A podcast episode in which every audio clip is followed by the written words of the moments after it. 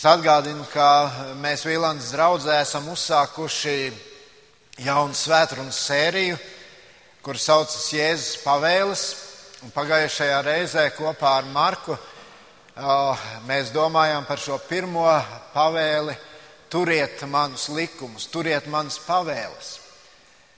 Un uh, gribam šajā laikā iziet cauri tam, ko Jēzus mums ir pavēlējis. Pavēle vienmēr ir bijusi ļoti svarīga. Un, ja kāds kaut ko pavēl, tad viņš arī sagaida, ka šo pavēli pildīs. Bet tāpat laikā, es domāju, šī svētdienas sērija ir arī, ir arī laiks, kurā mēs varam pārbaudīt paši sevi ieraudzīt to, kā Dievs darbojas mūsu dzīvēm. Tāpēc jau arī Kristus dibināja draugu, un uh, mēs, kas esam draudzē, uh, tā mums ir tāda liela privilēģija un arī atbildība. Kad mēs pazemojoties Dievu priekšā, sēžot pie Viņa kājām, mācāmies no tā, ko viņš mums saka. Un ir labi šad un tad, varbūt jau dzirdēto, varbūt jau neskaitāmas reizes dzirdēto, atkal un atkal sev atgādināt. Vakar uh, bija tāds uh, pirmai, pirmo reizi notikums, ka varēja rakstīt diktātu latviešu valodā visā pasaulē. Nu, pārāk daudz cilvēku nepiedalījās, apmēram tūkstotis, cik es esmu dzirdējis. Bet tā ir tāda interesanta lieta. Un arī tad, kad tur intervēja dažus cilvēkus, kuri rakstīja šo diktātu, viņi saka, es gribēju sevi pārbaudīt. Vai es kaut ko vēl atceros, ko es skolā mācījos? Skolotāji māca bērnus, arī viņi rakstīja diktātu. Viņi teica, man bija svarīgi arī pašam iejusties tajā, ka tevi, tev sevi ir jāpārbauda. Un šajā rītā mēs apstāsimies pie vārdiem no Mateja evaņģēlīja 4. nodaļas 17. pants. Un tur mēs lasām, no šā laika Jēzus sludināja: Atgriezieties no grēkiem! debesu valstība ir klāta. Kungs, mēs lūdzam, lai arī šajā dienā, dzirdot šos vārdus, mēs ik viens pārbaudītu sevi. Vai to, ko tu esi teicis, vai tas ir mūsu dzīvē? Vai esam to darījuši? Kā mēs esam to darījuši? Paldies par šo atgādinājumu šajā dienā. Tavs vārds ir patiesa. Āmen. Tik ļoti bieži un daudz dzirdēti vārdi. Un varbūt uh, tie, kas ejat uz baznīcu, un tā ir jums pierasta lieta, uh, kādiem varbūt tas uh, tādus drebuļus rada. Un uh, liekas, nu, šī nav īstā auditorija, kur par to runāt. Bet uh, tajā pat laikā tie ir arī tādi ļoti sarežģīti vārdi, jo klausoties tajās, tajos, uh, mēs nevienmēr gribam saklausīt šo vārdu īsto būtību. Jēzus mudina cilvēkus atgriezties no grēkiem. Mēs varam teikt, nu ir labi, ja kādreiz mums ik pa laikam atgādina tās robežas, ik pa laikam mums atgādina, cik grēks ir slikts. Bet, ja tas būtu tas vien, tad Jēzus ne ar ko neatšķir, neatšķirtos no vecās darības mācītājiem. jo arī viņi aicināja cilvēkus atgriezties pie Dieva. Bet tas jaunais, ko Jēzus ieliek šajos vārdos, nozīmē kaut ko vairāk. Tas, ko Jēzus ieliek šajos vārdos, nozīmē mainīties, mainīt savu dzīvi. Šis grieķu vārds metanoia nenozīmē, ka Jēzus aicina tevi tikai notraukt putekļus no apģērba. Jēzus, sakot šos vārdus, aicina tevi mainīt arī iekšēji. Tas nozīmē, ka tu ieraugi dzīvi pilnīgi no jauna. Tas nozīmē, ka tu izkāp no tām domāšanas klišejām un šabloniem, pie kā tu varbūt esi pieradis. Es uzreiz gribu teikt, un jūs jau varbūt arī pamanījāt, ka tieši šādus pašus vārdus mēs lasījām dievkalpojumu ievadā. Un tie ir rakstīti iepriekšējās nodaļas sākumā. Tā kā šie vārdi ļaudīm nebija sveši, bet tas, ka Jēzus iesāk savu kalpošanu tieši ar šiem vārdiem, pēc tam, kad viņš ir piedzīvojis sātanu uzbrukumus, pārbaudījumus, kārdināšanas tuksnesī, viņš sāk sludināt ar šiem pašiem vārdiem, ko Jānis Kristītājs saka. Tas norāda uz šo, šīs vēsts svarīgumu. Un tas norāda, ka neviens no mums nedrīkstam tā vienaldzīgi paiet šiem vārdiem garām. Un, ja jums ir bībeles, tad es aicinu, ka jūs atverat tieši to, ko mēs lasījām uh, ievadu lasījumā no Mateja evaņģēlīja trešās nodaļas. Pirmos 12 pantus varat paturēt bībeles atvērts, jo Mēs pārdomājot šos vārdus, atgriezīsimies pie šīs rakstu vietas. Jo tieši tā varbūt plašāk paskaidro, ko šie vārdi nozīmē. Ja mēs skatāmies vēsturē, tad Izraēla tauta ļoti labi zināja no savas vēstures, kā Dievs ir darbojies, darbojies dažādos laikos. Bet bija laiks, un tie bija šie pēdējie 400 gadi, kad eh, Izraēla tauta nebija no Dieva saņēmusi nekādu ziņu. Visus šos 400 gadus nebija neviena pravieša. Un šajos, uh, varētu teikt, tā atšķirības gados Izraēla tauta piedzīvoja dažādas impēriju varas. Tur bija Maķedonijas Aleksandrs, pēc tam bija četri dažādi valdnieki, kuri šo teritoriju sadalīja, un vienam no viņiem tika Palestīna. Un šis valdnieks bija ļoti slikts valdnieks. Viņš ieviesa tur dažādas neģēlības, darīja briesmu lietas, un tad, tad parādījās eņģeļi tad parādās gudrie vīri no austrumu zemes. Tad notiek tas, ka jaundzimušie zēni tiek nogalināti, un tad atkal kādu laiku ir klusums. Tie ir kādi 30 gadu, kad nekas vairs nav. Atkal Dievs klusē. Un tad parādās ļoti savāds cilvēks, Jānis Kristītājs. Savādi bija tas, ka viņš sludināja tuksnesi, un uh, tuksnesis nu, bija tā vieta, kur nemaz nebija tik viegli nokļūt. Jānis Kristītājs nesludināja Jeruzalemē vai kādā citā zināmā pilsētā.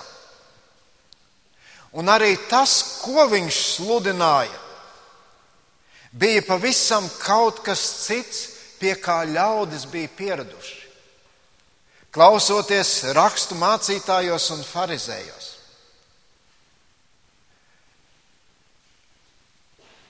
Un savādi, ka ļaužu pūļi devās uz tuksnes. Devās, lai klausītos šajā savādajā cilvēkā. Kāpēc? Tāpēc, ka Izrēla ļaudis, jūdu tauta, gaidīja, ka viņiem būs pašiem sava valsts.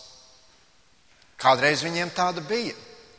No vēstures mēs zinām, ka Dāvids izveidoja šo valsti, Salamans uh, to attīstīja, bet pēc laika to pazaudēja.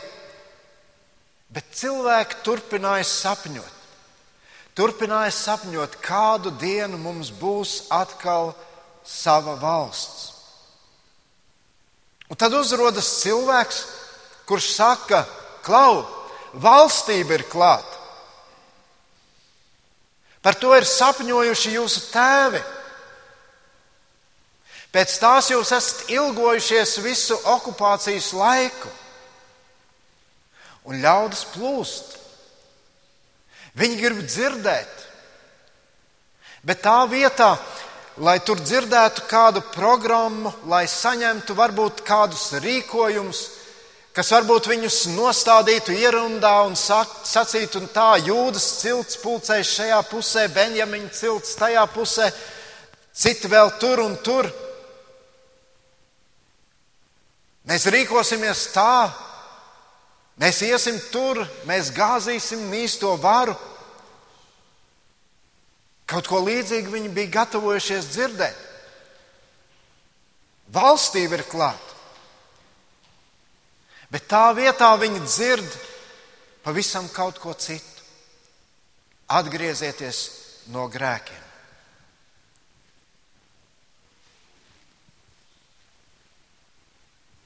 Un tik aktuāla ir šī ziņa arī šodien. Jo debesu valstība ir tuvu klāt arī šodien. Atgriezieties no grēkiem. Daudzi varbūt teiks, nu manā dzīvē jau tas ir bijis. Tas notika kādā lielā evanģelizācijas sapulcē. Kādam varbūt tas ir bijis kādā klusā vietā, kur tu esi bijis viens pats, kādam varbūt sarunājoties ar kādu cilvēku. Kad mēs svinējām kristības svētkus, kādam tas ir bijis uh, kas pamudināja to darīt, alfa kurs vai sieviešu vakari. Tas ir ļoti svarīgi. Lai katram, šis, katram cilvēkam būtu šis brīdis, jo bez tā nav iespējama glābšana. Es šodien gribu apstāties pie trīs jautājumiem. Un es ceru, ka šie trīs jautājumi palīdzēs mums pārbaudīt katram sevi un arī sagatavot savas sirdis tam brīdim, kad mēs nāksim pie svētā vakarēdiena. Un šie trīs jautājumi ir, ko nozīmē atgriezties no grēkiem, kāpēc vajag atgriezties no grēkiem un kā nevajag atgriezties no grēkiem. Un par to visu mēs varam lasīt šajā evaņģēlijas stāstā. Un es aicinu, pasakosim līdzi, izlasīsim vēlreiz Mateja evaņģēlīja trešās nodaļas pirmos sešus pantus. Tajās dienās Jānis Kristītājs sludināja jūdejas tuksnesī: Atgriezieties no grēkiem, jo debesu valstība ir klāta. Par viņu kungs caur pravieti Iesaju ir sacījis: saucēji balss tuksnesī, sagatavojiet kungam ceļu, dariet līdzenas viņa takas. Jānis valkāja, kam ir vilnas drēbes un ādas josta ap gurniem, viņa barība bija siseņu un savaļas bišu medus. Tad pie viņa izgāja Jeruzaleme, visa jūdeja un viss Jardānas apgabals, un viņi atzina savus grēkus. Un Jānis tos kristīja Jardānas upē. Ko nozīmē atgriezties no grēkiem? Es jau pieminēju šo grieķu vārdu metanoja. Šis vārds nozīmē radikālu pārmaiņu. Šis vārds nozīmē absolūtu sirds un prāta maiņu. Tas nozīmē, ka mēs izkāpjam no mūsu cietuma, no tā, kas mūs kā cilvēkus gremdē un velk uz leju. Šis vārds nozīmē kaut ko mainīt pašos pamatos. Tas nozīmē, ka mēs ejam ārā no sekluma un mēs ejam dziļumā. Atgriezties no grēkiem nozīmē izpildīt pavēli apkārt griezties. Un tie no vīriem, kas ir bijuši armijā, tie sapratīs. Apkārt griezties nozīmē, ka tu apgriezies par 180 grādiem. Atskan pavēle, un tu to izpildi. Un tas ir tas, ko sludināja Jānis Kristītājs un ko, ar ko iesāk savu kalpošanu, sludinot Jēzus Kristus. Ar šo pavēli. Iztēlojieties, skan šie vārdi, atgriezieties no grēkiem, jo debesu valstība ir klāta. Ko tas tev nozīmē? Ko tas nozīmēja toreiz tiem cilvēkiem? Vispirms tas nozīmē, ka tev ir jāatzīst savs grēcīgums. Un ziniet, Tas ir tas sāpīgākais punkts priekš mums visiem. Ik viens cilvēks grib tuvoties Dievam, bet ik viens cilvēks grib to darīt pēc saviem noteikumiem. Ik vienam cilvēkam patīk kaut kādā veidā parādīt savu vērtību Dievam. Bet atgriezties no grēkiem vispirms nozīmē saprast, ka es esmu grēcīgs cilvēks. Labu laiku atpakaļ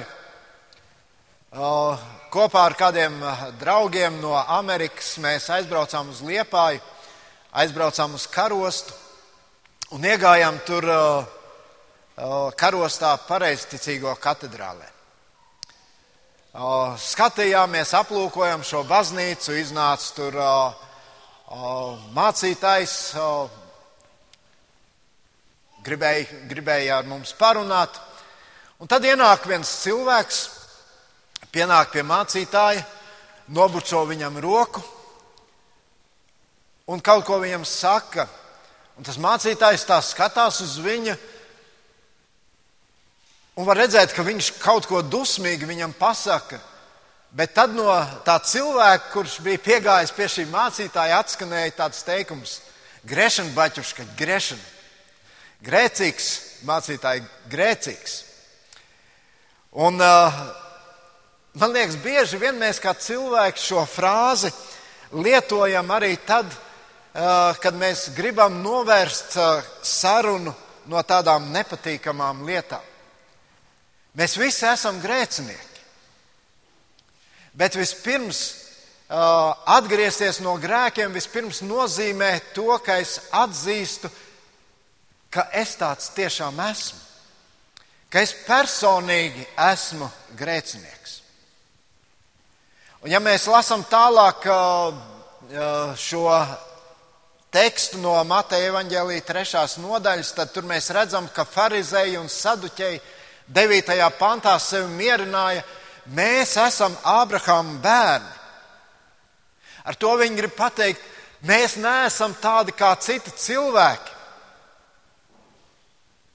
Un viņi ar tur iet pie Jāņa un grib kristīties. Un tad Jānis viņus aptur un saka, nē, tā neies cauri. Nesalīdzini sevi ar citiem. Atzīsti, ka tu esi grēcinieks. Otra lieta, ko nozīmē atgriezties no grēkiem, nožēlot grēkus. Kad neilgu laiku atpakaļ mēs vienā no svētdienām klausījāmies šo stāstu par pazudušo dēlu. Un tur Lūkas evanģēlijā 15. nodaļā 17. un 18. pants mums saka, uh, attapies, viņš sacīja, cik daudz algāģa ir manam tēvam, kuri pārpilnībā ēd maizi, bet es te mirstu badā. Es celšos un iešu pie sava tēva un sacīšu viņam, Tēvs, es esmu apgrēkojies pret debesīm un pret tevi. Šī cilvēka nožēla ir tā, ka viņš ir sāpinājis savu tēvu, savu miesīgo tēvu, un viņš ir sāpinājis arī Dievu. Un viņš to atzīst. Šis cilvēks atzīst, ka viņš ir pelnījis sodu. Šis pazudušais dēls iet vēl tālāk, un viņš saka, ka viņš nav cienīgs pat saukties par dēlu. Un viņš saka, tēvam, pieņem mani par vienu no algāģiem. Un Jēzus stāstot šo līdzību mums parāda, kādai ir jābūt mūsu atgriešanās no grēkiem. Nākt pie Dieva bez pretenzijām, būt gatavam uz visu, zināt, ka es esmu pelnījis sodu. Un šajā stāstā mēs redzam, viņš nenāca pie tēva atpakaļ ar savām pretenzijām, ar saviem attaisnojumiem. Viņš nenāca un nesacīja, nu vispār tēvs, tu jau pats ar savu rīcību piespiedi man tā rīkoties. Vai varbūt, nu tēvs, tu jau esi labs, bet tas mans brālis mani piespieda tā rīkoties. Viņš man noveda tik tālu, ka es biju spiests aizsirst durvis un aiziet no jums jūs pametot. Ziniet, mēs cilvēki bieži vien tā rīkojamies, bet tā nav nožēla. Tas, ko Jēzus grib pateikt ar šiem vārdiem, atgriezieties no grēkiem, ir atzīsti savu grēcīgu. Atzīsti, ka ar savu rīcību tu esi pelnījis sodu. Un trešā lieta, ko nozīmē atgriezties no grēkiem, ir, ka tu pazemojies Dieva priekšā. Es pazemojos debesu un zemes kunga priekšā.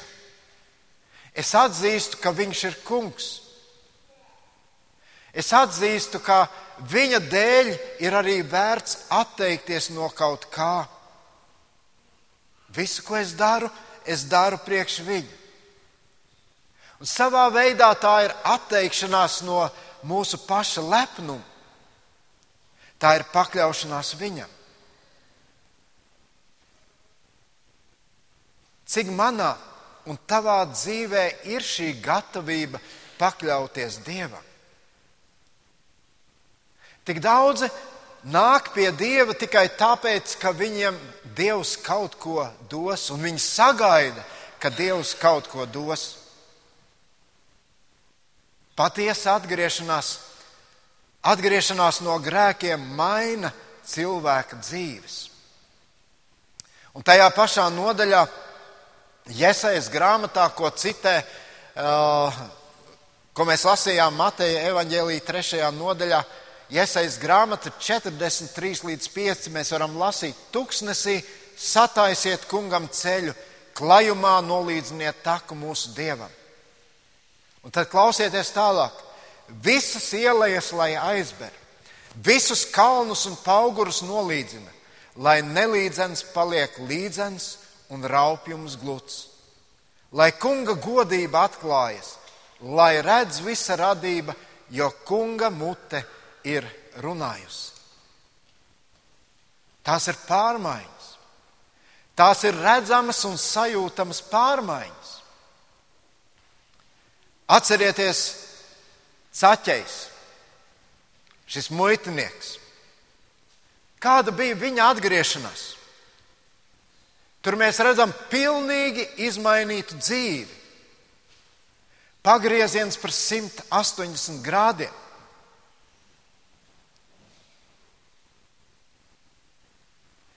Tas otrais jautājums. Kāpēc vajag atgriezties no grēkiem? Mateja evaņģēlīja 22. nodaļā Jēzus stāsta līdzību. Viņš stāsta par kāzām, Tur ir kāds cilvēks, kurš aicina ļaudis uz savu dēla kāzām.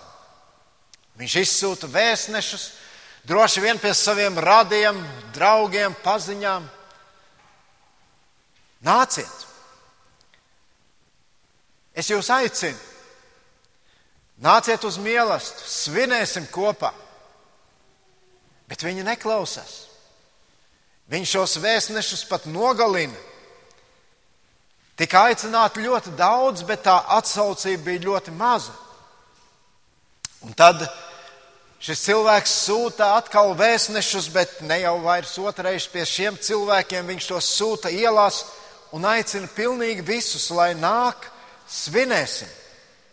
Vēl vairāk viņš viņus nomazgāja, viņš viņiem uzģērba drēbes, skaistas drēbes, un tad šīs svinības varētu, varēja sākties. Šis notikums mums parāda to, ka attiecības ar Dievu nav iespējamas bez atgriešanās no grēkiem. Attiecības ar Dievu nav iespējamas bez tā, ka tava dzīve patiešām tiek izmainīta.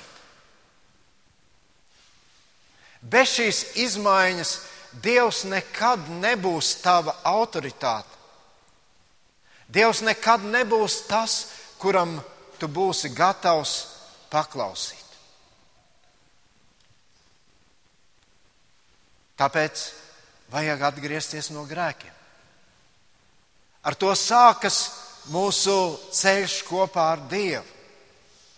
Nav citas alternatīvas. Un tad vēl trešais jautājums. Kā nevajag atgriezties no, grēka, no grēkiem? Atgriezīsimies pie Jāņa Kristītāja sacītā. Un tur no 7. panta mēs lasījām, redzēdams daudz farizēju un saduķēju nākam kristīties. Viņš tiem sacīja, jūs, oģu dzimums, kas jūs ir mācījis bēgt no dusmības, kas nāks, tad nesiet cienīgus atgriešanās augļus un neiedomājieties savā sirdīs sacīt, mums Ābrahāms ir tēvs. Es jums saku, Dievs spēja no šiem akmeņiem radīt Ābrahāma bērnus. Cirvis jau pielikts kokiem pie saknes. Katrs koks, kas nenes labus augļus, tiek nocirsts un iemests ugunī. Es jūs gan kristīju ūdenī un uz, uz atgriešanos no grēkiem, bet kas nāk pēc manis, ir spēcīgāks par mani. Es neesmu cienīgs pienests viņa sandalis.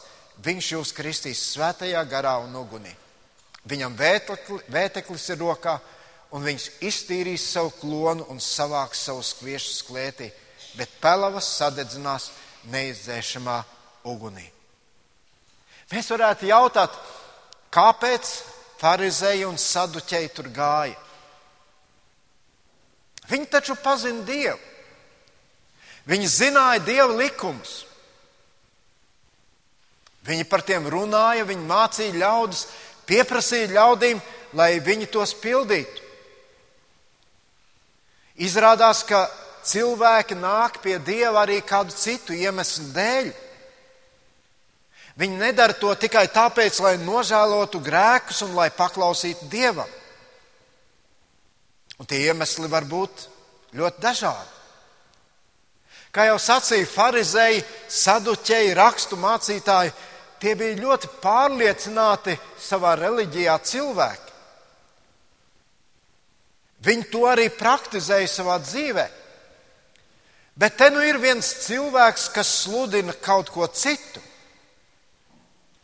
Un droši vien šie cilvēki, kas aizgāja tur un klausījās, ko Jānis Kristītājs sludināja, un pēc tam iekāpa Jardānas upē un gribēja arī kristīties, Viņi sāka domāt, nu, ja nu tomēr viņam ir taisnība. Mums vajadzētu kaut kā nodrošināties. Bet Jānis viņus apstādina. Viņš saka, nemāniet sevi. Viņš saka, nemāniet Dievu, jo Dievu nav iespējams apmānīt. Varbūt manā dzīvē kaut kas mainīsies.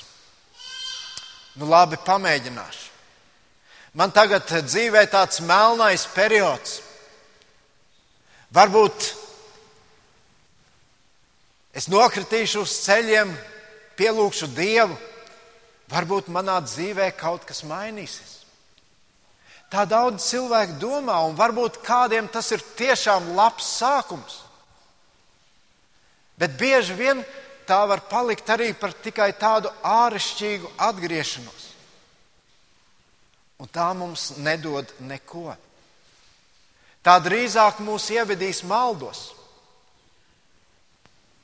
Patiesa, patiesa atgriešanās no grēkiem vienmēr nesīs sev līdzi pārmaiņas. Tu domāsi citādāk, tu rīkosies citādāk, tava attieksme pret cilvēkiem kļūs citādāk. Un svarīgi ir apzināties, ka no tā vai tava un mana atgriešanās no grēkiem ir patiesa, no tā būs atkarīga tava mūžība. Mēs lasījām,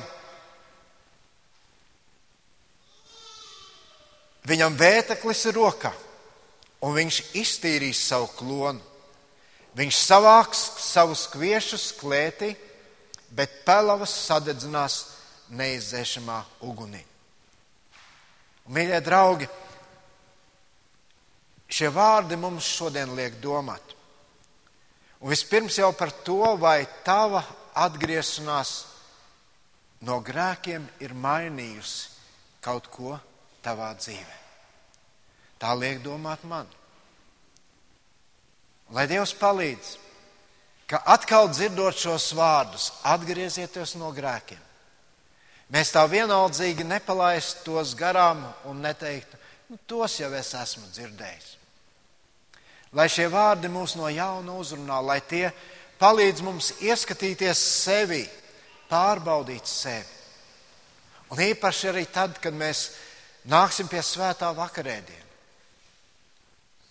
kad pieminēsim šo Kristus upuri,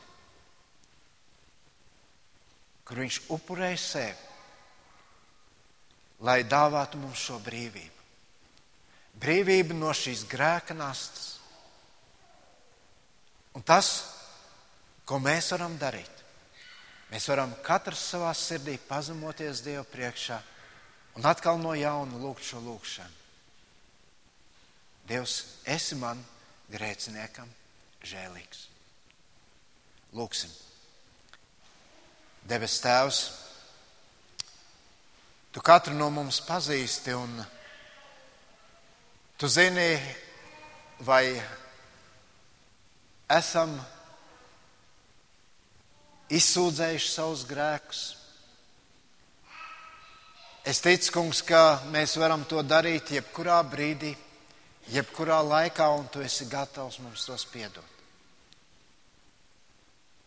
Bet, kungs, palīdz, lai, ja to darām, lai Tas nav kāds formāls brīdis, lai tie nav kādi formāli vārdi, ko mēs tev pasakām, bet lai tie nāk no mūsu sirdī. Lai tie ir tādi patiesi un no sirds sacīti vārdi. Kungs, un es ticu, ka tu šīs pārmaiņas esi gatavs veidot mūsu dzīvē. Ja bieži vien varbūt tas nenotiek tā, kā mēs to esam iedomājušies. Bieži vien varbūt tas nenotiek tajā brīdī, kad mēs to gribam. Bet, kungs, paldies, ka tu veido mūsu raksturu. Tu veido mūsu attiecības vienam ar otru. Galu galā, kungs, mēs varam mācīties no tevis. Tu esi mūsu paraugs. Paldies, Kristu, ka tu nāci uz šo pasauli. Tu kļuvi par cilvēku, lai mēs tevi vēl labāk saprastu. Un, kungs, paldies par šo atgādinājumu šodien. Kristus vārdā to lūdzam. Āmen.